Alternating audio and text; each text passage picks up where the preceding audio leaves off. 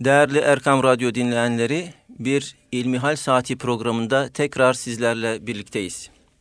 Muhterem hocam Doktor Ahmet Hamdi Yıldırım bizlerle beraber. Muhterem hocam bugün sünnete uygun gusül abdesti nasıl alınır sorusuyla başlamak istiyorum.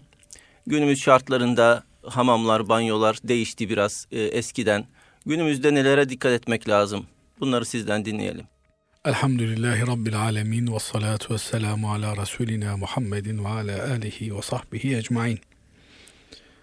Evet temizlik en önemli dikkat etmemiz, özen göstermemiz gereken İslam'ın temel ilkelerinden bir tanesi. Temizlik deyince bizler sadece elbisemizi, evimizi, kapımızın önünü temizlemeyi anlamıyoruz. Bununla beraber manevi necasetten, manevi kirlilikten temizlenmek demek olan abdesti ve gusülü de anlıyoruz. Bir de tabi bunların daha da ötesinde kalp temizliği dediğimiz ihsan kıvamında İslam'ı yaşama kalitesini anlatan temizlik var ki o şu anda herhalde sorumuzun dışında kalıyor. Gusül abdesti dediğimiz Türkçe'ye boy abdesti şeklinde aktardığımız temizlik manevi kirlilik halinden temizliktir. Yani şartları oluştuğunda esbabı mucibesi gerçekleştiğinde bu temizliği yapmamız gerekiyor. Nedir gusül abdestim veya boy abdesti dediğimiz nasıl alınır? Hz. Peygamber sallallahu aleyhi ve sellem Efendimizin sünnetinden ve Kur'an-ı Kerim'in açık ifadelerinden bunu görmemiz mümkün. Fakihlerimiz, müştehit imamlarımız bu iki kaynaktan derleyerek önümüze çok kısa bir şekilde boy abdestinin nasıl alacağını koymuşlar. Öncelikle boy abdesti alacağımız yerin temiz bir mekan olması lazım gelir.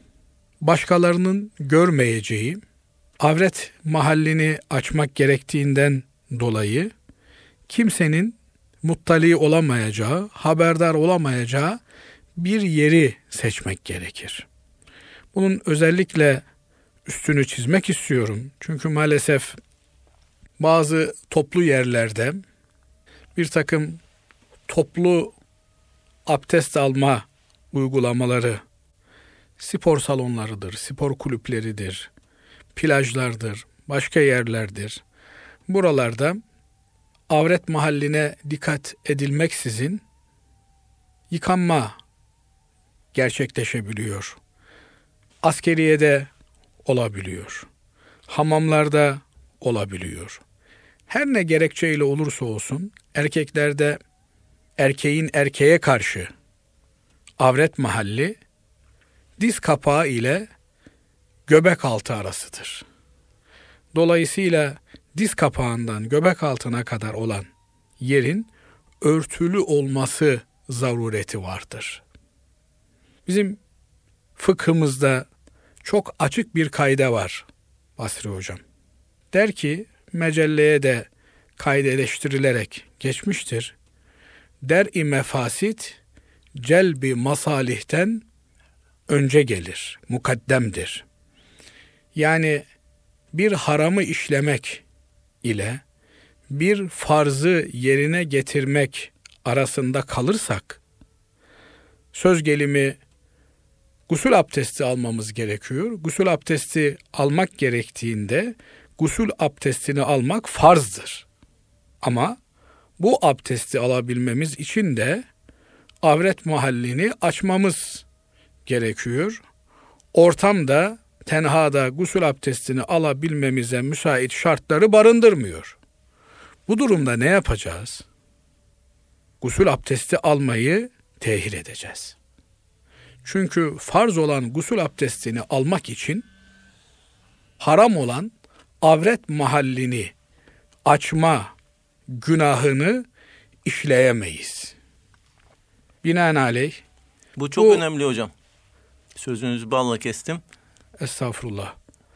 Önemli bu çünkü bazen şöyle bir kanaat söz konusu oluyor.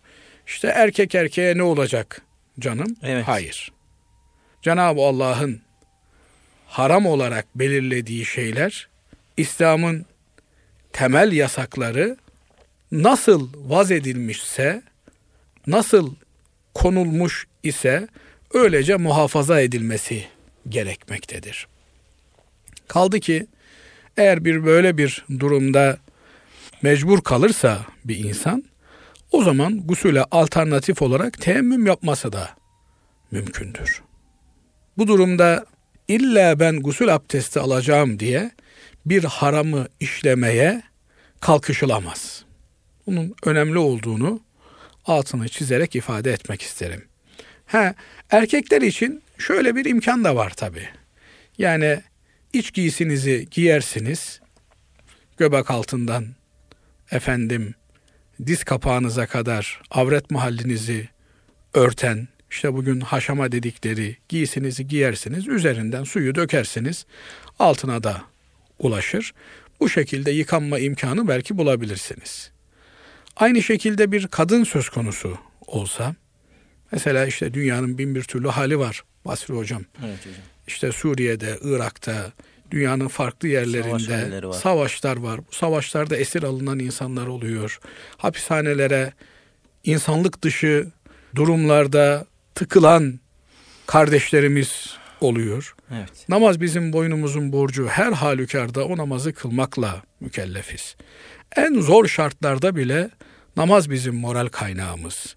Psikolojimizi diri ve dinç tutmanın tek yolu Allah'la beraber olmak. Onun yolu da namazdan geçiyor. Ama düşünsenize böyle kadın erkek bir topluluğu bir zindana tıkmışlar. Burada bu insanların abdest almaları, abdest bozmaları, her şeyleri problem. İşte burada bu ilke karşımıza çıkıyor. Bir farzı işlemek için bir günahı işleyemezsiniz. Buna göre herkes kendi durumunu, şartını göz önüne alarak davranması gerekiyor. Şimdi bu birinci adım. Yıkanacağımız yeri seçmemiz gerekiyor. Mümkün mertebe bugün duşakabinler kullanıyor isek bunların dışarıyı göstermeyen cinsini kullanmamız gerekiyor. Yani bir örtü, bir sütre olabilecek şekilde bir köşeye, duşakabine girip burada önce ellerimizi yıkamak suretiyle gusül abdestine, boy abdestine başlarız. Tabi banyo yapacağımız yere girerken içimizden gusül abdesti almaya niyet ederek oraya gireriz. Bunu ayrıca dil ile söylemeye ihtiyaç söz konusu değildir. Elimizi yıkadıktan sonra vücudumuzda belirgin bir kir, pas, maddi bir pislik söz konusu ise onları temizleriz. Mesela avret mahallini, galiz avret mahalli denilen mahalli yıkamakla kişi başlar. Bunun akabinde bir namaz abdesti gibi namaz abdesti alırız. Yani ellerimizi yıkarız, ağzımıza su veririz, burnumuza su veririz, yüzümüzü yıkarız, peşinden kollarımızı yıkarız, başımıza mesih veririz, ayaklarımızı yıkarız. Böylelikle bir namaz abdestini alarak gusül yapmaya, boy abdesti almaya başlarız. Biliyorsunuz gusül abdestinin üç tane şartı var Hanefi mezhebinde. Bunlar da nedir? Ağzı yıkamak, burnu yıkamak ve bütün bedeni iğne ucu kadar kuru bir yer kalmayacak şekilde yıkamak. Ayet-i kerimede ziyadesiyle temizlenin diye geçtiği için Hanefi mezhebi ağız ve burnu yıkamayı da bütün bedeni yıkamanın bir parçası olarak değerlendirmiştir. Bundan dolayı ağzımıza su veririz, mazmaza yaparız. Burnumuza su veririz, istinşak yaparız.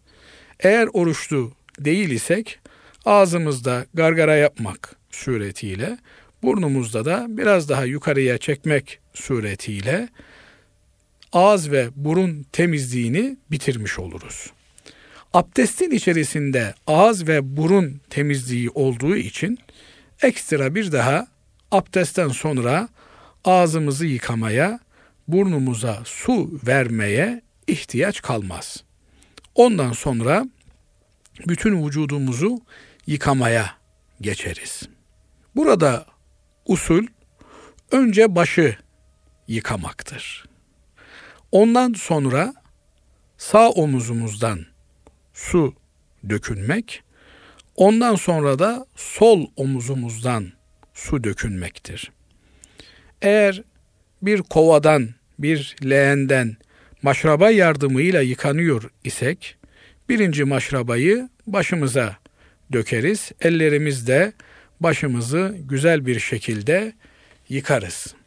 Bu işlem bitince bu sefer tekrar bir maşrabayı sağ omuzumuzdan aşağıya doğru dökeriz. Yine ellerimizde sağ tarafımızı ayak ucuna kadar yuvarız, yıkarız. Üçüncü maşrabayı da sol tarafımıza döker ve yine aynı şekilde sol tarafımızı yıkamak suretiyle gusül abdestini almış oluruz. Ama eğer bir kurnadan su akıyorsa, tepeden su akıyorsa veya işte e, bugün duş aldığımız yerde bir el seti mevcutsa onunla yıkanıyorsak o zaman önce bunu başımıza tutarız. Daha sonra sağ tarafımıza, daha sonra sol tarafımıza tutar. Bütün vücudumuzu yine ellerimiz yardımıyla baştan aşağıya iğne ucu kadar kuru yer kalmayacak şekilde yıkadıktan sonra yıkama işlemi bitmiş olur. Fakat eğer leğen gibi bir şeyin içerisinde veya gideri olmayan küvetin içerisinde yıkanıyor isek abdest alırken ayaklarımızı yıkamayı en sona bırakabiliriz. Çünkü ayaklarımız pis suyun içerisinde kaldığı için tekrar tekrar yıkama olmasın diye abdestteki ayak yıkama işlemini gusülün en sonuna bırakabiliriz. Böylelikle yıkanma işlemi bitmiş, kurulanıp giyinip namazımızı kılabiliriz. Namaza gidebiliriz. Zannedersem Muhterem hocam bugünkü bugünkü e, kullanılan banyolarda e, efendim e, su suyu ne miktarda kullanmak lazım? E, bildiğimiz kadarıyla e, abdest alırken veyahut da e, gusül alırken az miktarda su kullanmak e, dinimize göre daha faziletli sayılan bir davranış. Evet Hazreti Peygamber sallallahu aleyhi ve sellem Efendimiz bir akar suyun kenarında dahi abdest alsanız suyu israf etmeyiniz buyuruyor. Burada çok ince bir detay söz konusu. Akar suyun kenarından abdest almak. Bunun anlamı aldığın, kullandığın suyun tekrar nehire döneceği için aslında bir şeyi sen nehirden eksiltmiyorsun. Tekrar aldığın su nehre çok az bir kayıpla geri dönüyor. Böyle iken bile suyu israf etmeyiniz buyuruyor Fahri Kainat Efendimiz aleyhissalatu vesselam. Bu bir eğitim meselesi. Suyun tasarruflu kullanılmasına yönelik çocukluktan beri Müslüman olan bireylerin eğitilmesi, alıştırılması meselesidir. Çünkü en önemli ihtiyacımız su ihtiyacımızdır. Yerine başka bir şeyin ikame edilemeyeceği, kullanılamayacağı yegane ihtiyacımız su ihtiyacımızdır. Dolayısıyla ne kadar bol olursa olsun suyu idareli kullanmaya, tasarruflu kullanmaya Hz. Peygamber sallallahu aleyhi ve sellem Efendimiz bizleri teşvik etmektedir. Binaenaleyh suyu tasarruflu kullanmak Müslümanın özelliklerinden biridir. Musluğu sonuna kadar açarak Müslüman kullanmaz. Musluğu belki bir ip kadar akacak şekilde açar. Abdestini o şekilde olabildiğince az su kullanmak suretiyle alır. Efendimiz Aleyhisselatü Vesselam'ın abdest alırken kullandığı suyu ölçen alimlerimiz neredeyse yarım litre kadar bir su ile daha da az bir su ile abdest aldığını bizlere bildirmektedirler. Biz ise bugün yarım litre suyla sadece ağzımızı çalkalamayı yapamıyoruz. Dolayısıyla burada büyük bir israf söz konusu. Dinimiz her türlü israfı yasakladığı gibi hayattaki en müşterek ihtiyaçlarımızdan olan suyun israfını daha tekitli bir şekilde yasaklamaktadır. Efendimiz aleyhissalatu vesselamın ne kadar su ile gusül yaptığını hesaplayan alimlerimiz takriben iki buçuk litrelik bir hesabı öngörmektedirler. Yani bugün iki buçuk litrelik piyasada birçok şişe bulunmakta. O şişeyi doldurun ve onunla gusül aldığınızı düşünün. Gusül manevi kirden aklanmak, temizlenmek olduğu için gusülde asıl olan suyun bütün vücutta gezdirilmesidir. Elbette başta da ifade etmeye çalıştık. Vücudumuzda maddi bir pislik söz konusu ise o pisliği önce gidererek işleme başlarız.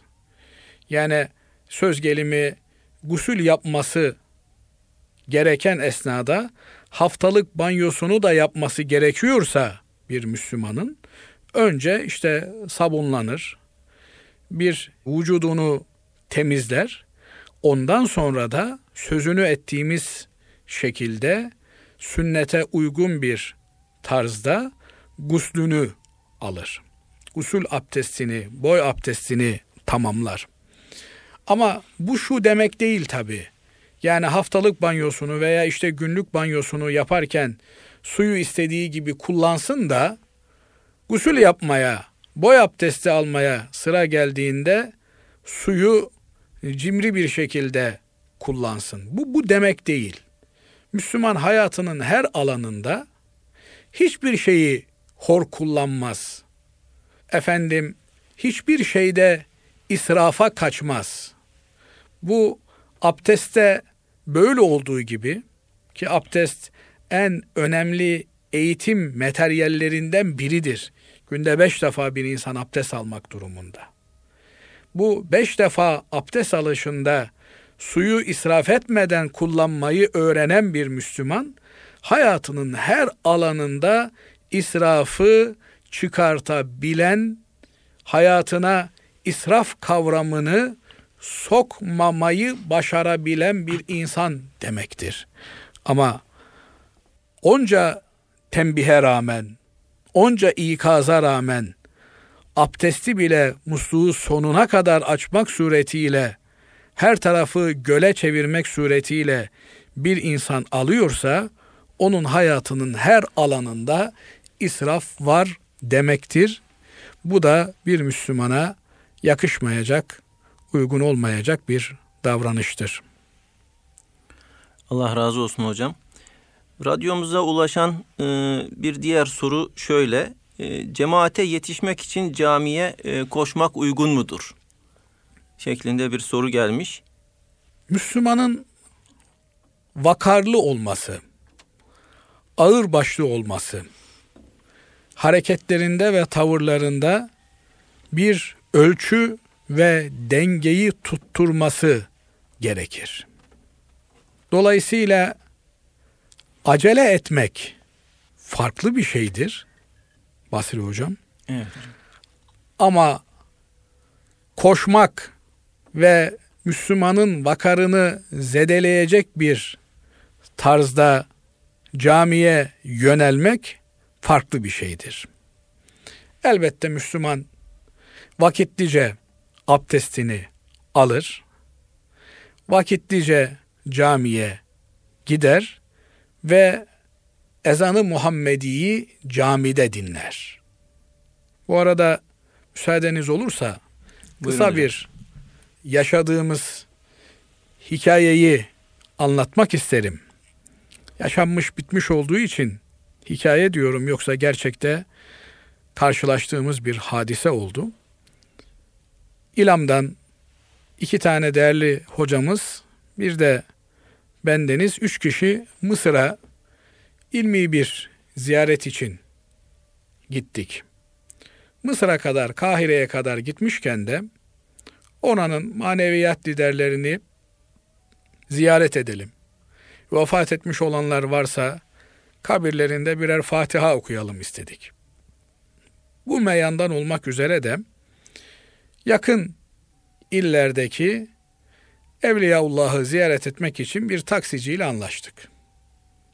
Vasri hocam. Evet taksicinin ilk bize ileri sürdüğü şartı şu oldu. Ben dedi namaz vakti geldiğinde camiye çekerim, namazı cemaatte kılarız. Peki dedik. Öyle olsun. İlk ziyaretimizi yaptık. Cuma günü unutmuyorum. İşte cuma namazı saat 1 gibi okunuyor. 11 buçuk gibi bizim ziyaretimiz bitti. Oradan bir 80-90 kilometre ötede bir başka yere geçeceğiz. Dedik ki taksici kardeşe taksiye binelim dedik. Ezan okunduğu yerde biz bir camiye geçeriz ve namazı orada eda ederiz. Evet hocam. Yok dedi. Sizinle anlaşmamız dedi. Namazı camide kılacağız şeklindeydi. Tamam dedik yine ezanı duyunca camiye geçeriz dedik. Hayır dedi. Ezan gafil Müslümanları ikaz etmek içindir dedi. Gerçek Müslümanlar ezanı ezanı Muhammedi'yi camide dinlerler dedi. Sonra çok yani farklı şeyler bu e, taksici kardeşimizle yaşadık ama hakikaten yani çok böyle e, gıpta edilecek, ibret alınacak özelliklerini ve güzelliklerini gördük. Bu yönüyle de Mısır halkı için ayrıca duaya vesile olur diye anlatmak istedim. Cenab-ı Allah içinde bulundukları bu sıkıntılı günleri bir an önce geçirtsin ve acil ferahlıklar, rahatlıklar nasip eylesin, lütfeylesin. Mısır halkı hakikaten dindarlığıyla meşhur bir halk. Cenab-ı Allah başlarındaki bu musibet bulutlarını dağıtsın inşallah diye de bu vesileyle Amin. dua ediyoruz. Yani buradan şunu ifade etmek istiyorum. Müslüman camiye ezandan önce gidip yerini almalı. Ama bir sebepten dolayı geç kalmış, yetişememiş. O zaman da vakarını zedelemeden hiç koşturmaya kalkışmadan acele bir şekilde toparlanarak camiye gitmeli. Ama işte koşarken cübbesi bir tarafa, sarığı bir tarafa dağılacak şekilde de değil. Yine o Müslüman ağırlığını, vakarını taşır şekilde. Nitekim Efendimiz Aleyhisselatü Vesselam'ın bu mealde bir hadisi şerifi de var. Nereye yetişirse oradan devam eder. Elbette namazın en önemli olan unsuru iftitah tekbirini imamla beraber alabilmektir. Ama geç kaldı diye illa ben iftitah tekbirini alacağım diye paldır küldür bir gürültüyle caminin içerisinde koşturmasının sanki deprem oluyormuşcasına bir hava vermesinin de anlamı yok. Vakur bir şekilde gayet kılığını, kıyafetini derli toplu tutarak hızlı bir şekilde safta yerini almaya gayret eder. Değerli Erkam Radyo dinleyenleri, muhterem hocam Doktor Ahmet Hamdi Yıldırım'a sorularımızı yöneltmeye devam ediyoruz. Muhterem hocam, cemaatle namaz kılarken imama uyan cemaat, e, imama uyan bizler nasıl davranmalıyız? Hangi konulara dikkat etmeliyiz? Evet, cemaatle namaz, namazı namaz yapan en temel unsur. Bizim fıkıh kitaplarımızda, usulü fıkıh kitaplarımızda ibadet performansı değerlendirilirken eda-i kamil ve eda-i nakıs diye bir terim kullanılır Basri Hocam. Eda-i kamil bir performansın tam anlamıyla ifa edilmesi manasına gelir. Eda-i nakıs ise bir işlemin eksik yapılması anlamındadır. Buna misal olarak da namazın cemaatle kılınması eda-i kamil, cemaatsiz kılınması ise eda-i nakıs olarak adlandırılır. Yani cemaatle kılınmayan bir namaz, namaz kılma eyleminin eksik, yetersiz ve kifayetsiz olduğu anlamına gelir. Cemaatle kılındığında ise namaz, namaz kılma eyleminin tam anlamıyla mükemmel bir surette yerine getirildiğini ifade eder. Dolayısıyla cemaat bu yönüyle namazın kamil anlamda kılınmasının en önemli unsurunu teşkil eder. Bu yönüyle hakikaten camide, cemaatte bulunmak hayatımızın en önemli hedeflerinden birini teşkil etmelidir. Elbette bu namazlar içerisinde en önemli olan da sabah namazıdır.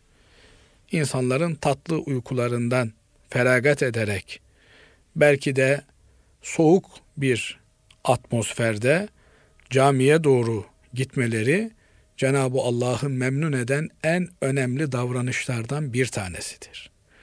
Kulum bana olan borcunu, vazifesini ifa etmek için rahatından, uykusundan fedakarlık ederek evime beni ibadete geliyor diye Cenab-ı Allah memnuniyetini ifade eder.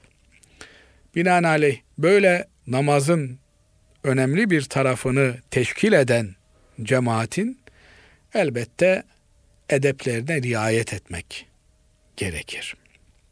Bunun başında da camiye, cemaate gelirken olabildiğince temiz ve güzel kıyafetlerimizi giyerek camiye gelmemiz gerekir.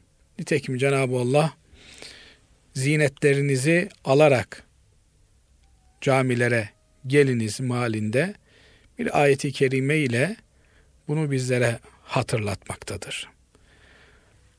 Bunun yanı sıra Hz. Peygamber sallallahu aleyhi ve sellem Efendimiz cami cemaatine iştirakın bu kadar önemli olan bu vazifenin yerine getirilmesi esnasında kesinlikle başkalarına eziyet vermemeyi, başkalarına, diğer Müslümanlara rahatsızlık verecek şeylerden uzak durmayı bizlere emreder. Ve der ki sizden biriniz soğan, sarımsak yiyerek bizim namazgahımıza gelmesin. Bunun anlamı namaza cemaate gidecek olan kimsenin soğan sarımsak yemek suretiyle ağzında oluşacak kokudan başkalarının rahatsız olmasının önüne geçmektir. Binaenaleyh burada yasaklanan seninle aynı safta saf tutan kardeşlerini rahatsız edecek, onları rencide edecek şeylerden uzak durmaya çalışmandır. Yoksa soğanın, sarımsağın bizzat kendisi yasaklanmamaktadır. Soğan, sarımsak birçok şifayı içinde barındıran en önemli besin öğelerimizden bir tanesidir. Yenilmesi tavsiye edilmiştir. Hastalıklara karşı koruyucu özelliği bulunmaktadır. Ancak bunları yer yemez cemaate gelerek yani namaza gideceksin. Bir saat öncesinden bu tür şeyleri yemeyi kesmen lazım. Ağzını ferahlatacak, ağız kokusunu bu anlamda giderecek tedbirlere başvurman. İşte ağzına karanfil mi alırsın? Bir sakız mı alırsın? Ne bileyim başka bir tür işlem mi yaparsın? Bunları yaparak camiye, cemaate gelmek gerekiyor. Bu noktada yeri gelmişken şunu da hatırlatalım. Müslüman bir insan elbette sigara içmez. Ama bazen sigara içilen ortamda bulunmak durumunda kalıyor ve o sigara kokusu da elbisesine, üstüne sirayet ediyor.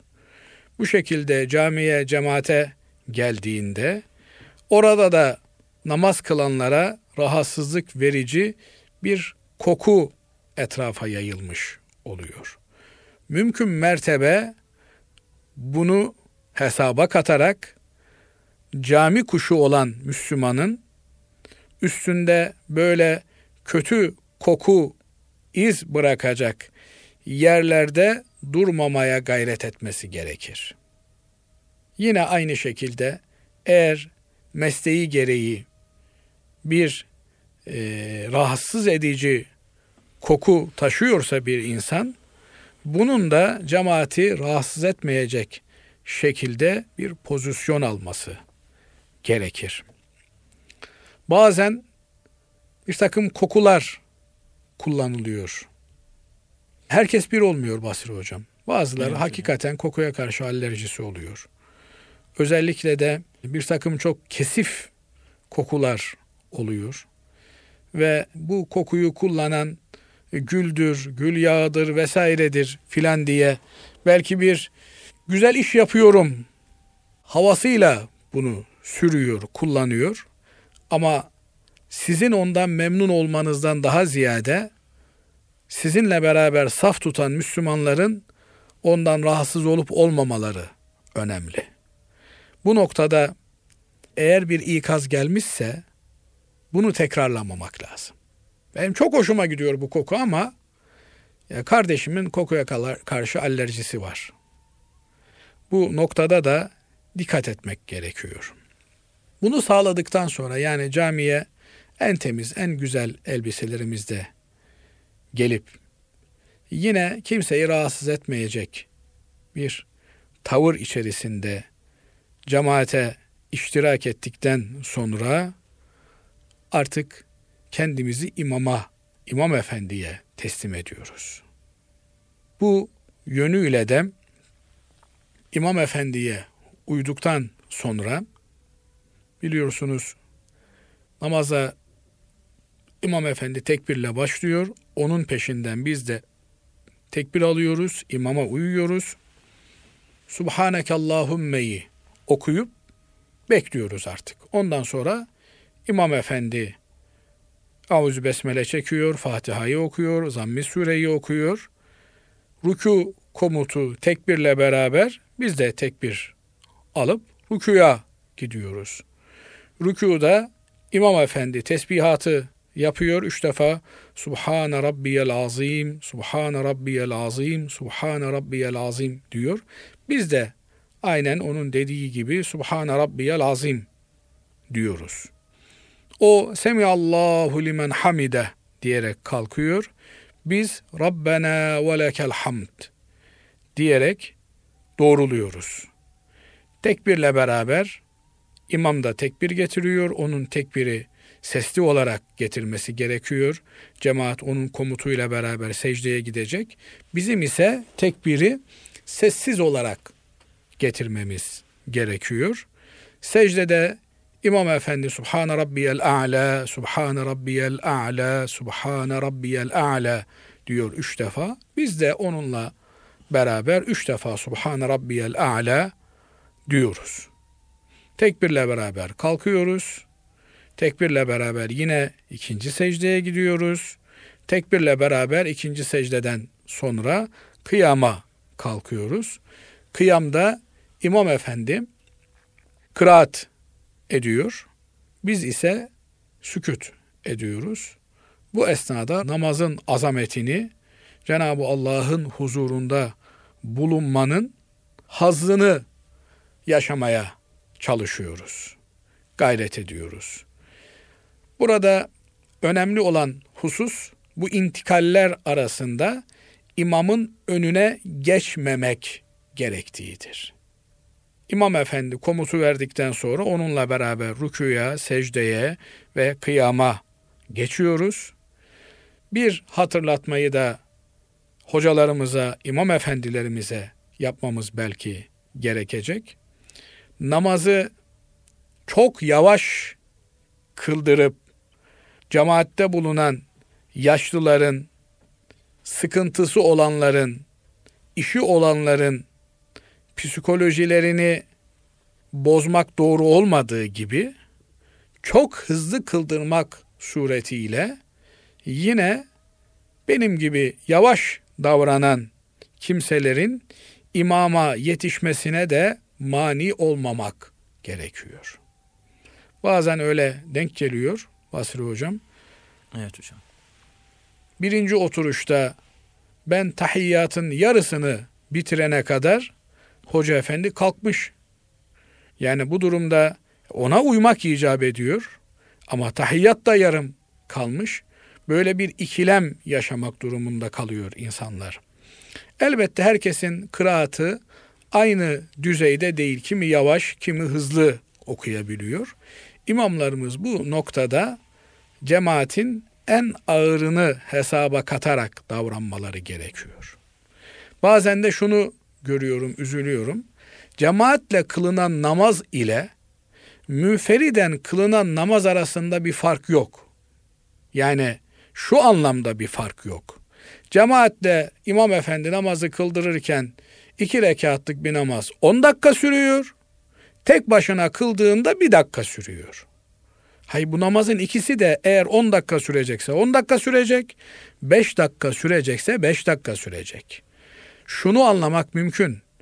İnsan tek başına namaz kılarken daha ağır kılabilir. Daha uzun okuyabilir. Niye? Tek başına kılıyor. Gücünü, takatini kendi biliyor. Gücü yettiğince eğer başka bir mani söz konusu değilse 10 dakikada da iki rekatı kılar, yarım saatte da kılar. Ama cemaatle 10 dakikada kılınan iki rekatlık namazın münferit kılınırken 10 dakikadan aşağı düşmemesi lazım. Yani cemaat ile kılınan namazda Hazreti Peygamber Efendimizin tembihi var imam efendilere.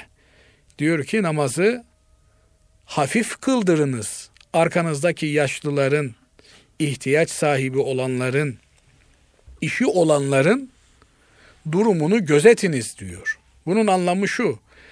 Namazı cemaatle kıldıran bir imam efendi kendi normal kılışından biraz daha hızlı kıldırır. Şimdi tersini görüyoruz. Hoca efendi namazın ilk sünnetini, dört rekatlık sünnetini iki dakikada kıldırıyor. Farza sıra geldiğinde yarım saati alıyor. Eğer bu namaz yarım saatte kılınıyorsa bunu münferiden kılarken de yarım saatte kılmak lazım. Yani e, çok özür dileyerek söylüyorum. Namaz arzı endam etme yeri değildir. Şu da çok garibime gidiyor. Yani müsaadeniz olursa onu Buyurun da hocam. bu fırsatla ifade etmek isterim. Camide üç kişi var. İmam efendi ısrarla mikrofonu takmaya çalışıyor. Yahu üç kişi için mikrofonu taksan ne olur, hoparlörü açsan ne olur, açmasan ne olur? Zaten senin çıplak sesin 300 kişiye yetiyor. Bir daha lüzumsuz gürültü yapmanın anlamı ne? Yani bu hususlara dikkat etmemiz gerekiyor. Bir başka mesele de namazın şuurunda olmayan çocuklarımızı cemaat ile namaz kılınırken camilere getirme mevzuudur. Elbette çocuklarımız camilerde büyüyecekler. Ama günde beş defa o camide cemaatle namaz kılınıyor. O namazın huzurlu kılınabilmesi için cemaat namaz şuuru olmayan çocuklarımıza mukayyet olmamız gerekiyor. Bir başka hatırlatmayı da bu vesileyle müezzin kardeşlerimize yapmak istiyorum. Evet, cemaat olarak hepimizin iftitah tekbirinde camide bulunmamız gerekiyor. Ama bulunamıyoruz. Şeytan önemliymiş gibi angarya işleri sürüyor araya. Geç kalıyoruz. İkinci rekata, üçüncü rekata geliyoruz.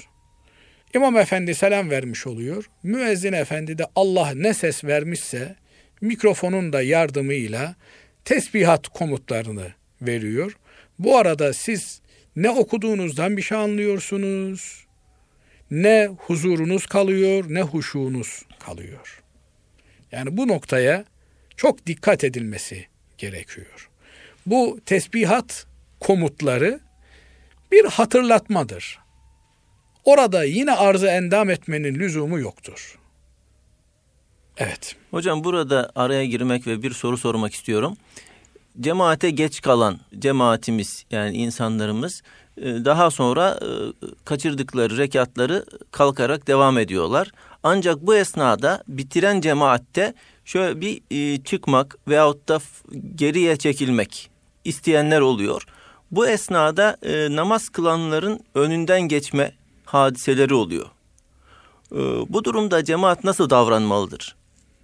Şimdi bir başka cemaatle namaz kılmanın önemli noktasına şekilde temas etmiş oldunuz. Biz cemaati farz namaz için yaparız. Çok önemli bir nokta. Ama camilerde görüyoruz ki işte öğle namazı kılacağız diyelim. Öğle namazının ilk sünnetini kılarken bir cemaat oluşu vermiş. Herkes saflara dizilmiş. Sanki dışarıdan gelen kimse bunlar öğle namazını farzını cemaatle kılıyorlar zanneder. Farz namazın dışında kıldığımız namazları dağınık olarak kılmamız gerekir. Herkes bir köşede. Hatta mümkünse evinde sünnetini kılıp camiye gelecek. Veya namazdan sonra evine gidip sünnetini kılacak. Fakat şehir hayatı evlere gidip gelmek kolay değil. Öyle bir şey yaparsanız evden camiye gelene kadar çoktan caminin kapılarının kilitlendiğini görürsünüz. Bu da ayrı bir dert konusu. Fakat en azından caminin içerisinde sünnet kılınırken bölük pörçük ayrı ayrı birbirinden bağımsız yani dışarıdan gelen bir kimse henüz burada farz kılınmamış. Bunu hissetmesi, idrak etmesi lazım gelir. Farzdan sonra da eğer imkan varsa yani birinin önünden geçme problemi yoksa orada da yine aynı şekilde safları dağıtmak uygun olandır. Çünkü farz bitti artık. Safları dağıtmak gerekir. Fakat yoğun bir şekilde caminin arka safı tamamen mesbuklar yani cemaate sonradan katılmışlar tarafından işgal edilmişse onları yararak, omuz atarak arkaya geçmek doğru değil. Namaz kılanın önünden geçmek doğru değil. Onun bir ölçüsü var mı hocam? Burada namaz kılanın önünden ifadesi secdeye gideceği yer ile kendi arasından geçmeyi ifade eder. Binaenaleyh eğer secde edeceği yörün iki saf ötesinden geçerse yani baktığında geçeni göremeyeceği kadar bir uzaklıktan bir mesafeden geçerse bu bir sıkıntı doğurmaz. Ama hemen önünden geçmek yani sürtünerek geçmek bunlar uygun olmayan davranışlardır. Binaenaleyh orada iki dakika, üç dakika arkada namaz kılanların namazlarını bitirmesini beklemek gerekir. Namazın huşuğuna, huzuruna mani olmamak adına bu özeni ve dikkati göstermek hepimizin borcudur. Muhterem hocam Allah razı olsun. Değerli Erkam Radyo dinleyenleri bir İlmihal Saati programında tekrar sizin huzurunuzda bulunduk. Bir sonraki programda buluşmak dileğiyle Allah'a emanet olun.